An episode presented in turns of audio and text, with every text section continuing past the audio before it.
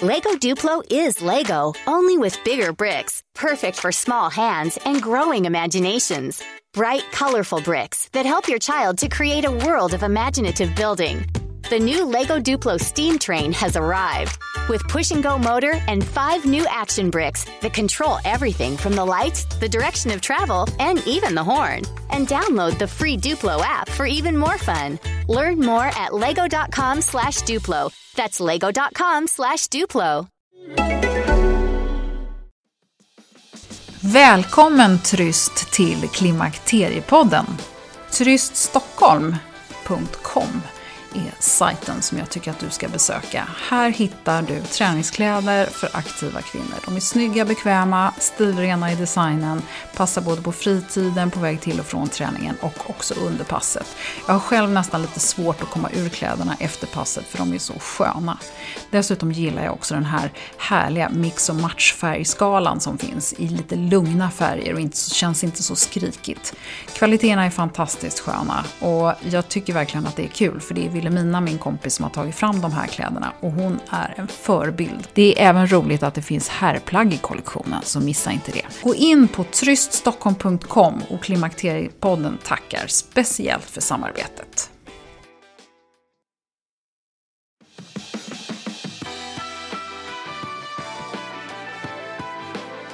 Hej och välkommen till Klimakteriepodden med mig, Åsa Melin. Tack för att du är med och lyssnar. Och du får jättegärna dela med dig av information som podden ger. Och jag blir jätteglad om du går in och följer podden på Facebook och Instagram. Och ge gärna betyg i iTunes. I det här avsnittet så ska vi tala om bröstcancer. Jag vet att det är många kvinnor som är rädda för bröstcancer och tyvärr med all rätt. Men jag vet också att det är många som slarvar med att undersöka sig själva och gå på mammografiundersökningar. Så nu ska du få veta varför det är så viktigt och hur du i viss mån kan påverka risken för att få bröstcancer. Så välkommen att lyssna! Per Hall, välkommen till Klimakteriepodden. Tack så mycket. Vi sitter här på eh, Södra Stations bröstcentrum i Stockholm. Och eh, jag är jätteglad för att du är med i Klimakteriepodden. För nu ska vi ta oss an det här besvärliga ämnet bröstcancer. 8% av alla kvinnor i Sverige och i Europa, tror jag också om jag har läst rätt, får bröstcancer. Ja, det är faktiskt ännu värre än så. Det är 12% procent oh. idag, så att det är riktigt illa. Ja, så att det här är ju en stor skräck. Eh, jag tror inte alla kvinnor går runt och tänker på det dagligen. Men det kanske blir extra aktuellt när man kommer i klimakterieåren. När man börjar prata om hormoner som ett eventuellt eh, eh, skydd för andra sjukdomar och eventuell lindring för de symptom man har. Så vi ska prata om det idag. Och det som också är intressant med dig är att du, du är överläkare på onkologkliniken på SÖS. Och du har forskat på bröstcancer i många, många år. Ja.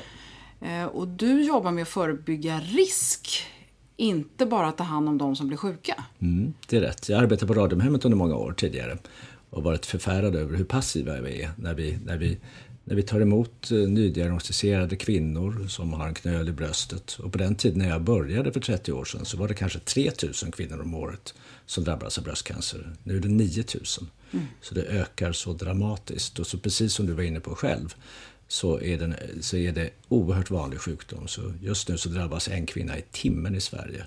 Och i Europa är det en kvinna i minuten. Så att det är verkligen en farsot eller en epidemi kan man säga. Mm. Och vad är det ni försöker åstadkomma här? Bröstcentrum är ju en mammografienhet mm. där ni har gjort eh, väldigt enkelt och bra för kvinnor och trevlig miljö att få mm. komma på mammografi. Mm. Och sen har ni också en studie som ni håller på med här. Ja, så att precis som du säger, bröstcentrum här, Södersjukhusets bröstcentrum på Södra station, det är en av världens största enheter. Vi inviterar 100 000 kvinnor om året för mammografiscreening och 80 000 ungefär dyker upp. Vi diagnostiserar 700 cancrar varje år, så att det är en jätteenhet. Det arbetar kanske 80-90 personer här för att diagnostisera bröstcancer och även utreda Sen så all behandling sker på Södersjukhuset för vi har inga strålbehandlingsapparater och vi ger inte några cellgifter här utan det görs på Södersjukhuset. Men sen sker uppföljningen här så att kvinnorna kommer tillbaka när de väl är behandlade. Vad vi gör då i min forskningsgrupp det är att vi, vi försöker, alltså det är en ny tanke att förebygga bröstcancer. Det går att förebygga hjärt-kärlsjukdomar, det går att förebygga hjärtinfarkt med att sänka kolesterolvärdet och sänka blodtrycket och inte röka och så vidare. Det finns mediciner som är alldeles utmärkta för att sänka risken för bröstcancer. Men ingen läkare skriver ut det och patienterna vill inte ha det. Och det beror på att de har för mycket biverkningar, de här medicinerna. Det är samma typ av mediciner vi ger till bröstcancerpatienter för att minska risken för återfall. Så ger man de här medicinerna till fullkomligt friska kvinnor så halveras risken för bröstcancer. Eh, men som sagt, Eh, biverkningarna är för stora. Så vad vi gör här nu i en studie vi kallar för Karisma 2 eller K2, det är att vi sänker doserna och så ser vi om de lägre doserna kanske har färre biverkningar men ändå fortfarande skyddar mot bröstcancer. Och sen har vi precis Läkemedelsverket gett oss tillstånd att pröva ett fullkomligt nytt koncept som jag själv hoppas att det fungerar men jag är inte hundraprocentigt övertygad att vi helt enkelt använder det här medlet i en gel som kvinnorna sätter direkt på bröstet. Så den studien drar vi igång direkt efter sommaren. Mm. Och då skulle man slippa påverka hela systemet och kanske också många biverkningar skulle helt försvinna. Rätt. Mm. Helt rätt. Mm. Eh, och om man eh, forskar på ämnet bröstcancer och som du då målet är att ingen kvinna ska behöva få bröstcancer och framförallt ska man inte behöva dö i det. Om man nu förutom att ta medicin och eh, kanske så småningom att det finns en allmän, ett allmänt skydd för det. Vad är, om vi börjar med riskfaktorerna, mm. vad är de stora riskfaktorerna? De stora riskfaktorerna ehm, kan man säga det är hur kvinnans, alltså om det, det, bästa sättet att skydda sig för bröstcancer det är att skaffa sitt första barn tidigt i livet och skaffa många barn och amma dessa många barn. Alltså att leva som mormors mor gjorde. Mormors mor hon blev gravid när hon var 16-17 år. Hon var gravid hur många gånger som helst. En del av barnen avled men barnen ammades. Det är, det är ett fantastiskt bra sätt att skydda sig. Och så gör ju många kvinnor fortfarande i tredje världen fast det förändras ju snabbt. Anledningen till att bröstcancer ökar det är just den här livsstilsförändringen. Men det går ju inte att ha det. Alltså vi kan inte, det är ju grovt integritetskränkande att säga till en kvinna att du ska skaffa barn när du är 17 bara för att skydda dig för bröstcancer. Det har så många andra implikationer. Så att din fråga då handlar egentligen om vad är det en, en vuxen kvinna kan göra idag? Och då, då gäller det några saker. Man ska inte röka, man ska inte dricka för mycket alkohol och man ska vara fysiskt aktiv. Dessa tre livsstilsregler som gäller egentligen för alla sjukdomar. De minskar också risken för bröstcancer. Men inte speciellt mycket. Det är det som är dilemmat. Så att även om man inte röker, inte dricker alkohol och springer maraton en gång i månaden så kommer man bara påverka sin bröstcancerrisk lite. Och det är därför jag sedan 10-15 år tillbaka har funderat på detta med att använda mediciner, förhoppningsvis utan biverkningar. Mm. Många av lyssnarna här är ju en bra bit över 17 och har också passerat sitt fertilitetsstadium. Så det är för sent att göra någonting åt det här med att föda, mm. föda många barn och sådär. Ja. Eh, hur, och, och, det här med att dra ner på alkoholkonsumtion och sluta röka och mm. motionera, mm. det får vi ju höra allt. Det är ju Absolut. alltid bra. Ja. Vad kan man mer göra om man ska vara konkret? Man ska, alltså, så återigen de här tre sakerna. Alltså att man, men men, men det, du har ju helt rätt, det är ju allmänna råd. Se till att inte bli överviktig, se till att inte dricka för mycket alkohol. Och de studier som vi har genomfört nu, preliminära data visar att ett glas vin om dagen, där kan vi inte hitta någon som helst risk för, för bröstcancer. Men tyvärr är det så att väldigt många kvinnor, i alla fall i våra stora studier, dricker betydligt mer än ett glas vin om dagen. Och de har en ökad risk för bröstcancer, liksom ingen snack om den saken. Tobak är alltid av ondo och tobak påverkar. I övrigt så tycker jag att det viktigaste rådet jag kan ge en kvinna det är att gå på dina mammografiundersökningar. Eh, När du blir inviterad för mammografi varannat år som vi gör i Sverige, gå på dem. Det är det bästa sättet att skydda sig. Inte för att få bröstcancer, utan att för att ja, avlida i bröstcancer. För mammografin går ut på att man ska upptäcka cancer, eventuell cancer tidigt. Det är vad mammografiscreening handlar om. Alltså. Mm. Eh, så det skulle jag säga är det bästa rådet. Och undersök dig själv. Det är inte så oerhört svårt. Och jag brukar instruera eh, mina patienter att gör det i duschen när du ändå är intvålad. Ha en ritual där du gör det en gång i månaden. Inte för ofta, för då upptäcker man inte en förändring. Inte för sällan. Eh, men att göra det när man är intvålad och att också ha viss struktur. Cancerfonden har en alldeles utmärkt instruktion om hur man ska bära sig åt exempelvis. Mm. Eh, jag vet att du pratar om brösttäthet som mm. en av riskfaktorerna. Berätta, vad är brösttäthet? Ja, brösttäthet. Eh, man kan, de flesta av oss kan ju se en mammografibild framför oss. Man ser konturen av bröstet och så är det svart och så är det vitt. Och det svarta det är fett. Och i fett får man inte cancer. Så det, det är liksom ingenting konstigt. Men det vita det är körtelvävnad. Och det är där man, det finns celler som kan utveckla sig till cancerceller.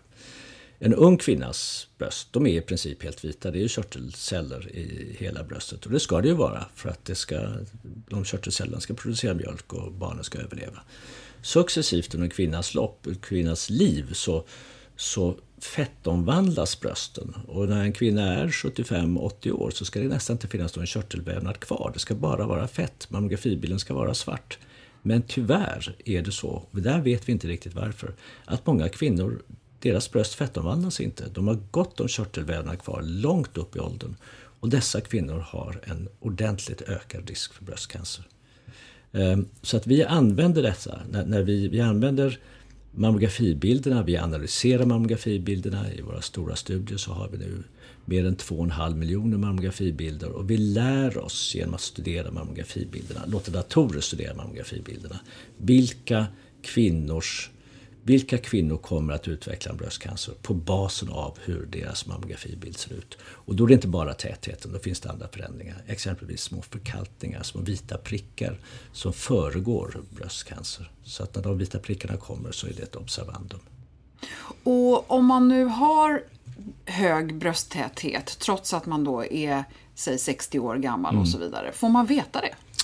Eh, I nuläget får man inte veta det och det är inte någon elakhet från eh, röntgenläkarna utan det är helt enkelt att det inte är enkelt för en röntgenläkare att säga är det här bröstet tätt eller är det inte tätt och om det är tätt, hur tätt är tätt? Det finns väldigt grova sätt att indela tätheten eh, och jag är övertygad om att Förr eller senare så kommer Socialstyrelsen tvinga röntgenläkarna att tala om för en kvinna om det är tätt eller inte tätt. Som ett bra exempel, i USA så har eh, starka kvinnoorganisationer nu stridit i 5-10 år för att kvinnor ska få reda på sin täthet. Så i mer än 30 av de 50 staterna så är det en lag som säger att kvinnan ska få reda på har du A, B, C eller D. Där A är ingen täthet, bara fett och D är väldigt mycket täthet. Det kommer säkert komma till Sverige också. Men jag tror att vi, vi, vi, ska, vi, ska inte bara, vi ska inte bara titta på tätheten utan vi ska generellt titta på vad är det för andra strukturer i mammografibilden. Förhoppningsvis med landstingets stöd så drar vi igång en sån studie nästa år. Vi förhandlar just nu med dem och vi har en massa företag som är mycket duktigare på bildanalys än vad vi är eh, som, som eh, ska hjälpa oss där vi helt enkelt inviterar kvinnor. Vill du ha reda på din risk för bröstcancer så ska du screenas på ett speciellt sätt om du har en hög risk. Det är vår tanke. För jag tänker att det känns ju nästan som en rättighet att få, få veta. Jag håller helt med. Jag håller helt med. Ja. Eh, om man nu bestämmer sig för att man vill ta reda på brösttätheten, kan man det? Mm. Idag? I nuläget så kan man inte det. Um, Eh, det finns inte, det finns inte mm, rutiner uppsatta för att eh, kvinnor ska få reda på sin täthet. Här, här tror jag att eh, jag har skrikit om detta i 10-15 år. Och jag har försökt sticka ut hakan så långt jag kan. Jag har pratat om att vi ska ha nollvision för bröstcancer. Jag tror aldrig jag blivit så utskrattad som när jag, när jag mm, myntade det uttrycket. Jag har pratat om att vi borde verkligen skrivna kvinnor på ett annat sätt än vad vi gör idag. Jag tror att nu, nu får nog patientorganisationer och friska kvinnor hjälpa till mm. att trycka på. Eh, och ni är många och ni är starka och eh, det borde gå. Men, men um, jag och min grupp och de som tror på detta, vi är för få. Vi har skrikit för länge så att det är lite grann så här, man orkar inte lyssna på det där bråkiga barnet längst bak i klassen längre. Mm. Ehm, Men då har vi någonting som vi kanske kan eh, se fram emot. Det Absolut. låter ju positivt. Ja. Eh, en annan sak som jag vill fråga om eh, det är ärftlighetsrisken. Mm. Många lyssnare vittnar om att de har haft mammor eller mormödrar mm. eller systrar eller andra i, i nedstigande ärftlighetsled som mm. har haft bröstcancer. Och de är absolut livrädda för att mm. överhuvudtaget fundera på hormonterapi av något slag. Berätta, hur är det med ärftlighet som riskfaktor? Ja, för först, den här frågan får jag ju väldigt ofta av patienter och friska kvinnor. Och då brukar jag börja med att säga att, att eftersom bröstcancer, som vi pratade om i början, är så oerhört vanligt så har nästan alla stora släkten någon kvinna med bröstcancer. Så det, det, på så sätt är det vanligt. Och har man, en, har man en släkting, en mamma, eller syster, eller moster eller mormor som är insjuknat i bröstcancer under 70-80 år så påverkar det den egna risken inte alls. Alltså det, det, det, det, det ökar inte risken för bröstcancer. Däremot om man har släktingar som är 30-40 åtminstone under 50 år, då kan det betyda att man kanske bär på något av de här genetiska förändringarna. Men återigen, äldre släktingar med bröstcancer, oroar inte. Det, det, det, det har ingenting med ärftlighet, det är bara ren och skär otur. Mm. Sen om man tittar på, på, på ärftlighet så finns det ju man ska vara klar för att det finns två olika typer av genetiska förändringar. Det finns de här BRCA1 och 2, alltså Angelina Jolie-genen kan vi väl kalla den. De, det finns några fåtal Eh, Eh, gener där mutationer betyder en extremt hög risk för bröstcancer. Men de här mutationerna är oerhört ovanliga. Det är kanske en kvinna på 2000, 3000, 4000 som bär de här mutationerna. Så att de är ovanliga. Och i de släkterna då är det ofta så att då är det inte fråga att man har en släkting med bröstcancer. Då har man flera släktingar med bröstcancer. Man har manliga släktingar med prostatacancer, bukspottkörtelcancer. Så det är liksom en, en ett cancersyndrom. Så det är den ena typen, ovanliga. Men sen så, någonting som vi själva forskar på intensivt och ingår i ett stort konsortium, det är vanliga förändringar som nästan alla kvinnor har. Där det inte är en gen, det är två, det är tre. Just nu så är vi uppe i 3000 gener där små förändringar tillsammans betyder någonting för bröstcancerrisken. Det här, det här är ett nytt koncept. Vi publicerade den första artikeln för 11 år sedan och börjar sakta men säkert bli en insikt i att de här så kallade snipparna, som de kallas, att de betyder någonting. Så att vi, eh, vi kommer lägga till den här typen av förändring till våra riskmodeller. Så förhoppningsvis så blir det så att i framtiden, så när en kvinna kallas för mammografiscreening, så får hon en fråga, vill du veta din risk? Och vill de veta sin risk så undersöker vi mammografibilden. Vi ställer några frågor om familjehistoria, BMI och använder du hormonersättningsmedel. Och vi tar ett blodprov och gör en genetisk undersökning. Och sen kan vi med ganska stor säkerhet tala om om en kvinna har en ökad risk, en genomsnittlig risk och så de 20 procenten av kvinnorna, vi får inte glömma dem som har en väldigt låg risk. Mm. Där jag undrar om behöver man verkligen gå på mammografiscreening om man har en så låg risk. Det vore fantastiskt om man visste det här. Ja. Det, det, jag hoppas att framtiden det handlar, kommer ge oss det. Det handlar om resurser. Alltså, kunskapen Jag tänker resurserna för att ta hand om de sjuka måste ju vara högre än att ta hand om de friska. Um, ja, alltså jag tror, uh, jag håller helt med dig. Jag tror att om vi satsade lite mer på det här så skulle vi minska antalet kvinnor som insjuknar i bröstcancer och på så sätt känna igen pengarna. Det, men uh, um, jag lovar dig, jag har, jag har inte legat på latsidan. Jag har verkligen försökt få, få både kollegor, anslagsgivare, politiker uh, att förstå detta. Och, som med många andra saker, när det är helt nya koncept så är det väldigt svårt att sälja in. Eh, de stora anslagsgivarna, nu ska, nu ska jag verkligen inte vara kritisk mot alla, Vetenskapsrådet har, har, eh, har stött oss och Kampradstiftelsen. Men oftast är det så att man får reaktioner, men det här har ju aldrig någon gjort. Eh, hur kan det här fungera? Det vet vi inte om det fungerar. Var vi, jag brukar svara, nej, hade jag vetat att det fungerar så behöver vi inte forska om det. Så att, um, det är lite, lite en utmaning. Lego Duplo is Lego, only with bigger bricks, perfect for small hands and growing imaginations. Bright, colorful bricks that help your child to create a world of imaginative building. The new Lego Duplo steam train has arrived with push and go motor and five new action bricks that control everything from the lights, the direction of travel, and even the horn. And download the free Duplo app for even more fun. Learn more at lego.com slash Duplo. That's lego.com slash Duplo.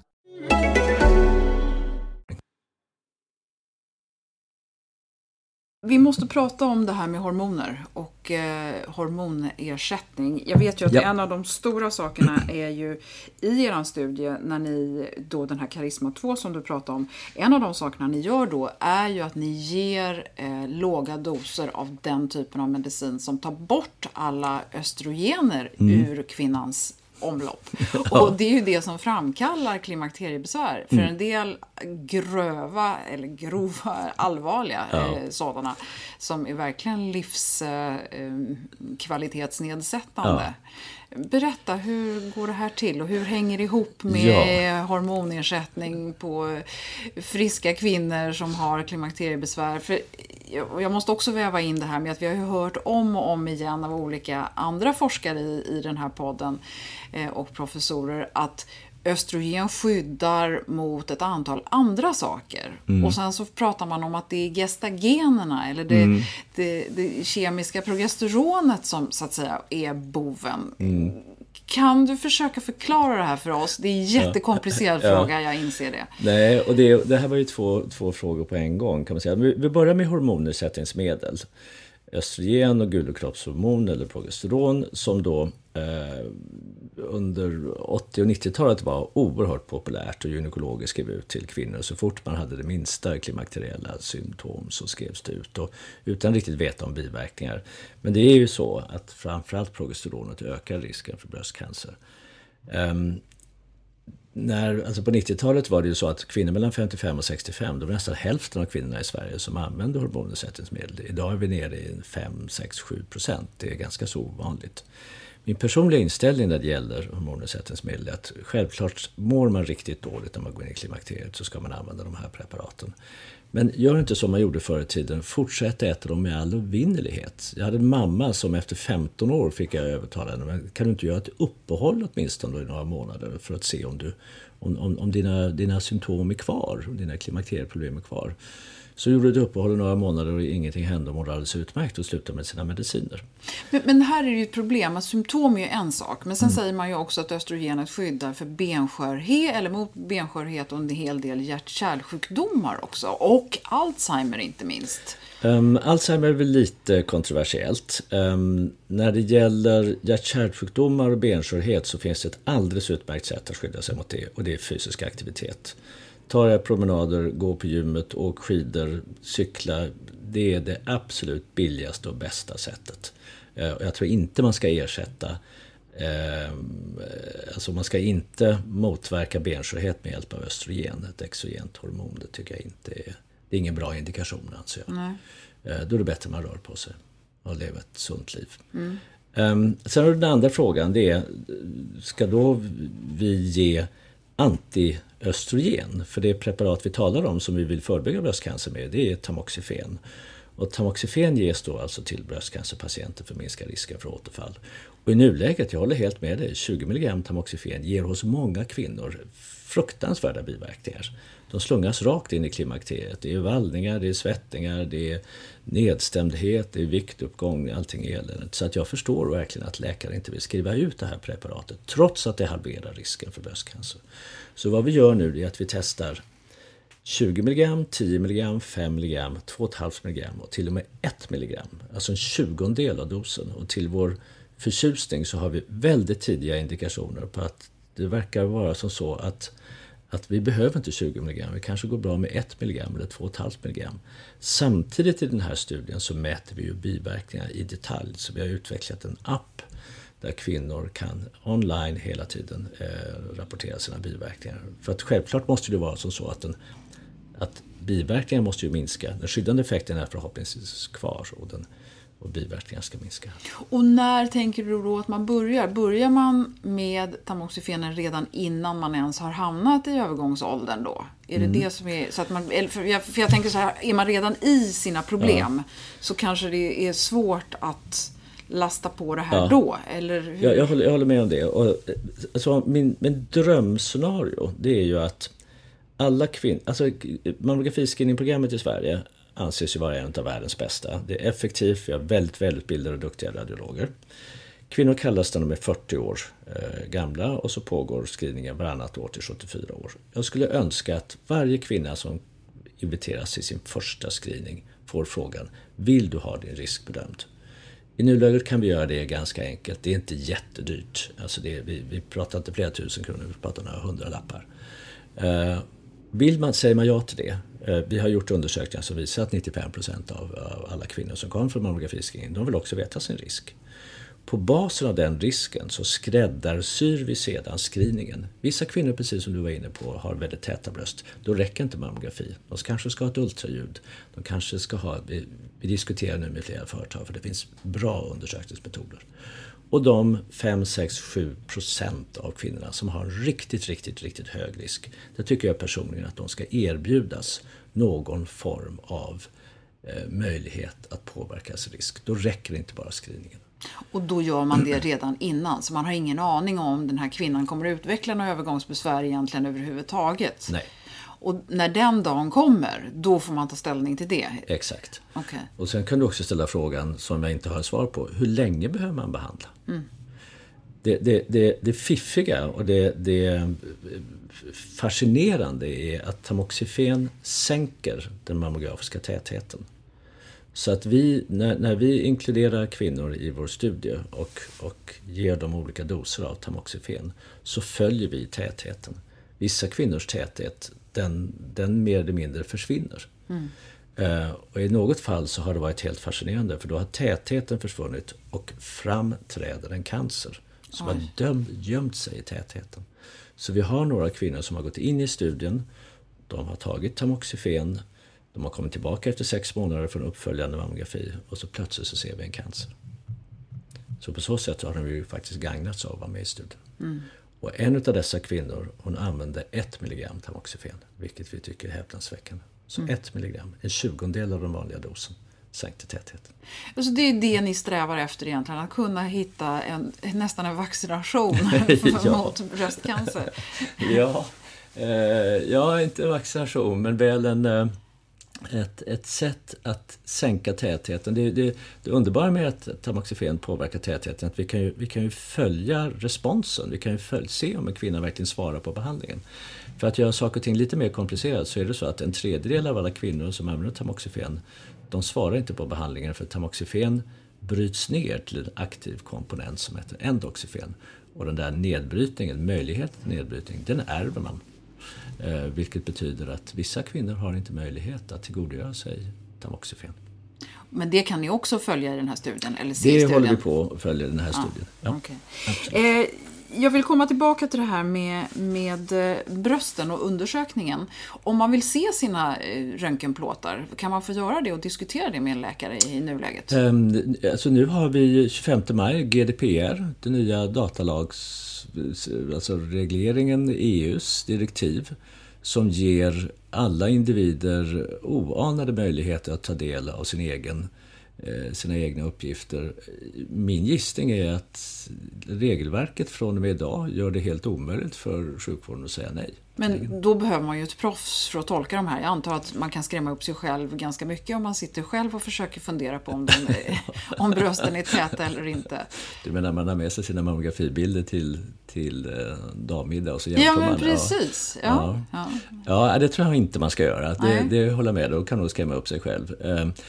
Eh, det här är ju, just nu så utvecklar vi automatiserade, alltså tidigare var det så här, när vi, när vi började ägna oss åt eh, mammografisk täthet för 8-10 år sedan, då, då, fanns det inte några program för att mäta täthet.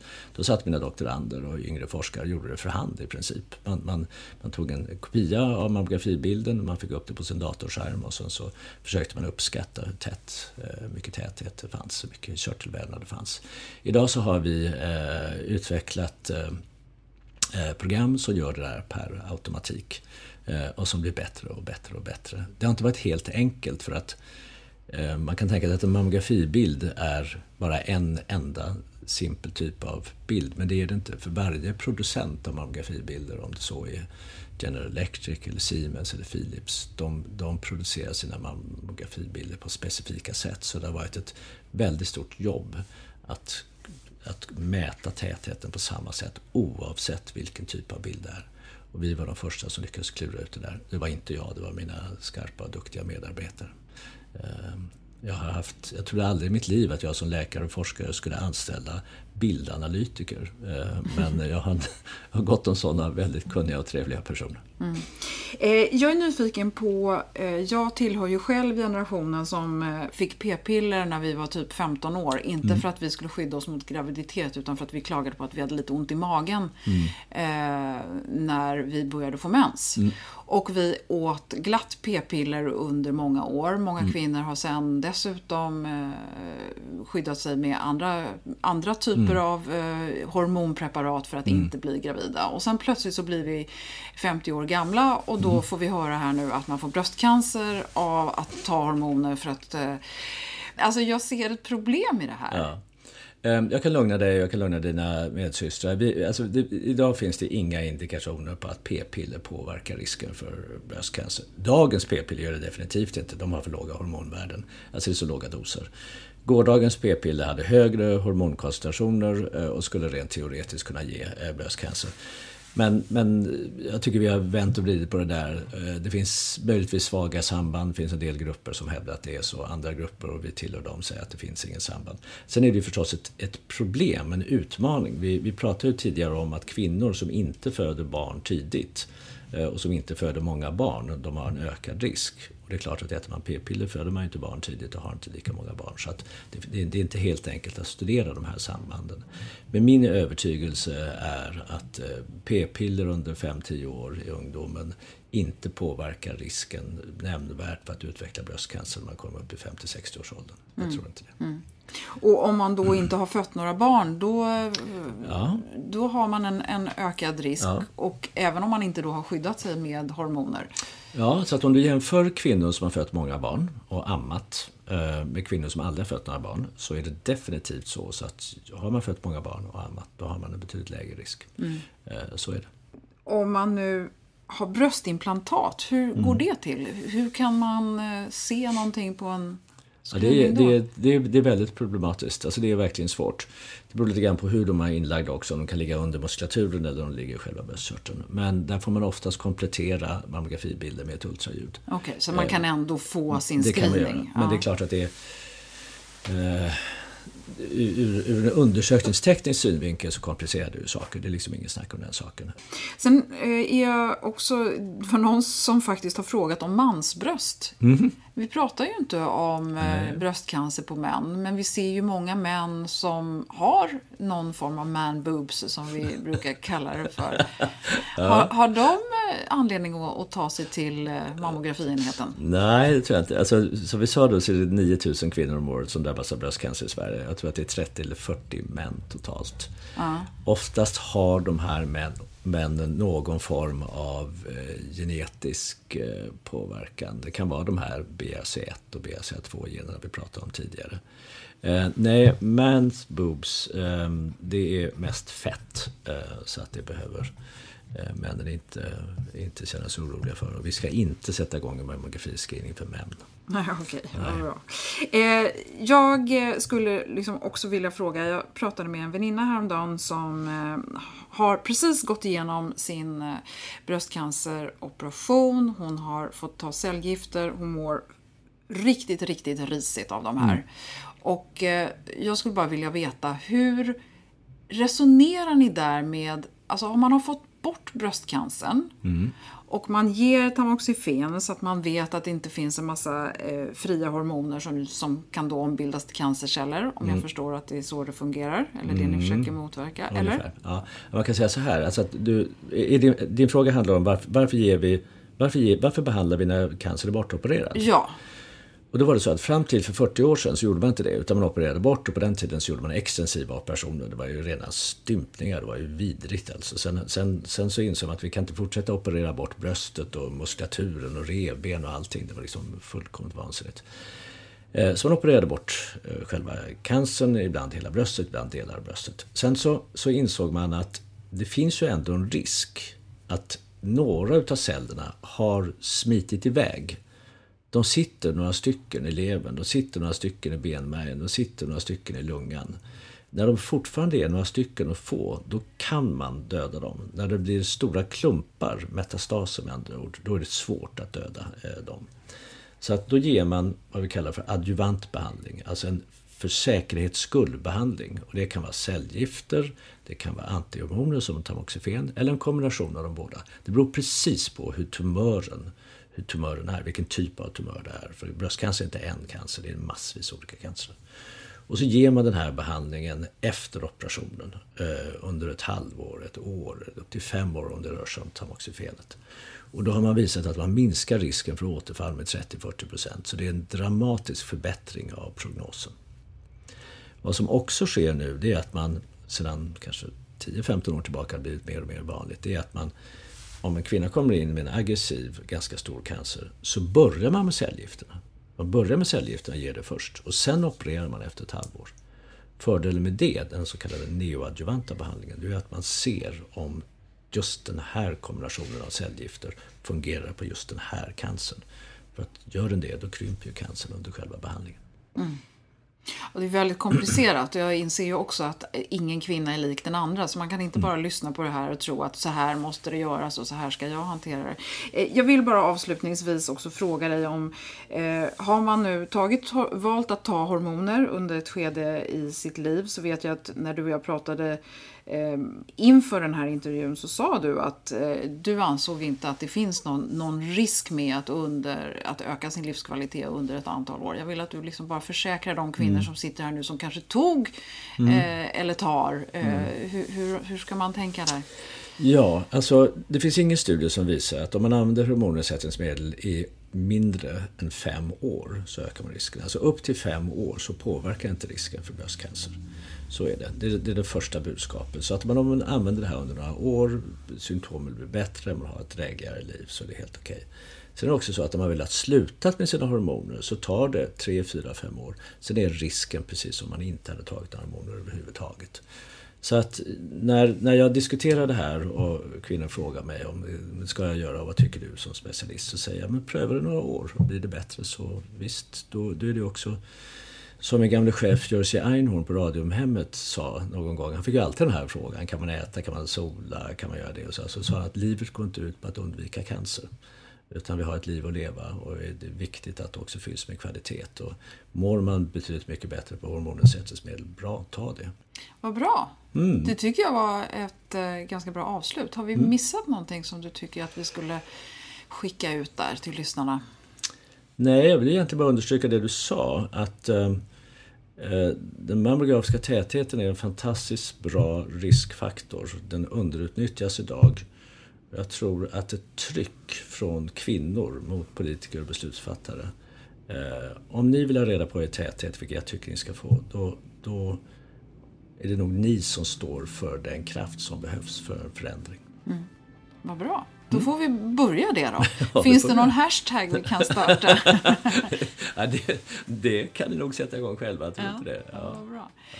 Jag vill tacka dig jättemycket Per Hall för att du kom till Klimakteriepodden idag. Jag tycker det var ett jätteintressant samtal och mm. eh, jag tror inte man kanske bara blir klokare rakt upp och ner men mm. desto mer information man får desto lättare blir det att fatta beslut och mm. också jag tror att budskapet är solklart. Mm. Missa inte dina mammografikallelser. Gå! Absolut inte. Du är helt rätt. Ja. Gå. Fint. Tack. Mm. Tack så mycket.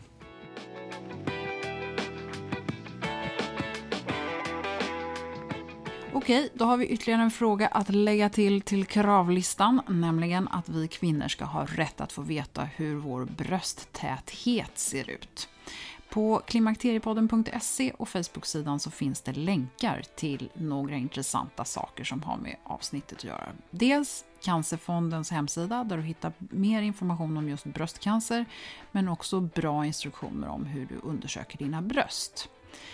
BRCA 1 och 2 är former av genmutationer och Per kallade det också för Angelina Jolie-genen i avsnittet. Man har sett att den här genen ökar risken för bland annat bröstcancer. Och vill du läsa mer om just BRCA1 och 2 så kan man göra det på bland annat Socialstyrelsens hemsida och Wikipedia. Eh, vill du läsa om just varför Angelina Jolie förknippas med BRCA så kan du läsa en artikel från New York Times där hon berättar om just detta. Och det hittar du en länk till just den här artikeln på klimakteriepodden.se även på Facebook-sidan. Och där har jag också lagt upp länkar på eh, forskningsstudierna Karma och Karisma som Per Hall är involverad i om du vill läsa mer om det.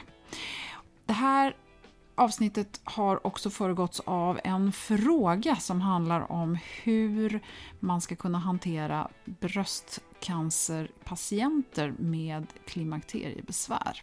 Och det är en fråga som jag kommer ta med mig till ett lyssnaravsnitt där inte bara den här frågan tas upp utan massor med andra frågor som har kommit in till podden.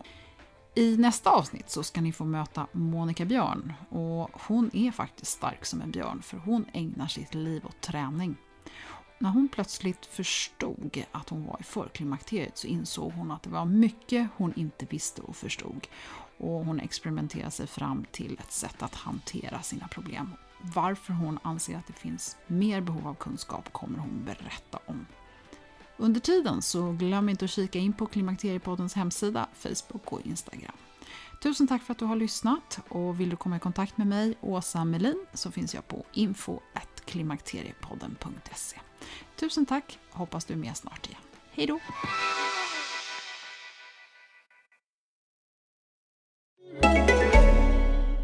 Lego Duplo is Lego, only with bigger bricks, perfect for small hands and growing imaginations. Bright, colorful bricks that help your child to create a world of imaginative building. The new Lego Duplo steam train has arrived with push and go motor and five new action bricks that control everything from the lights, the direction of travel, and even the horn. And download the free Duplo app for even more fun. Learn more at lego.com slash Duplo. That's lego.com slash Duplo.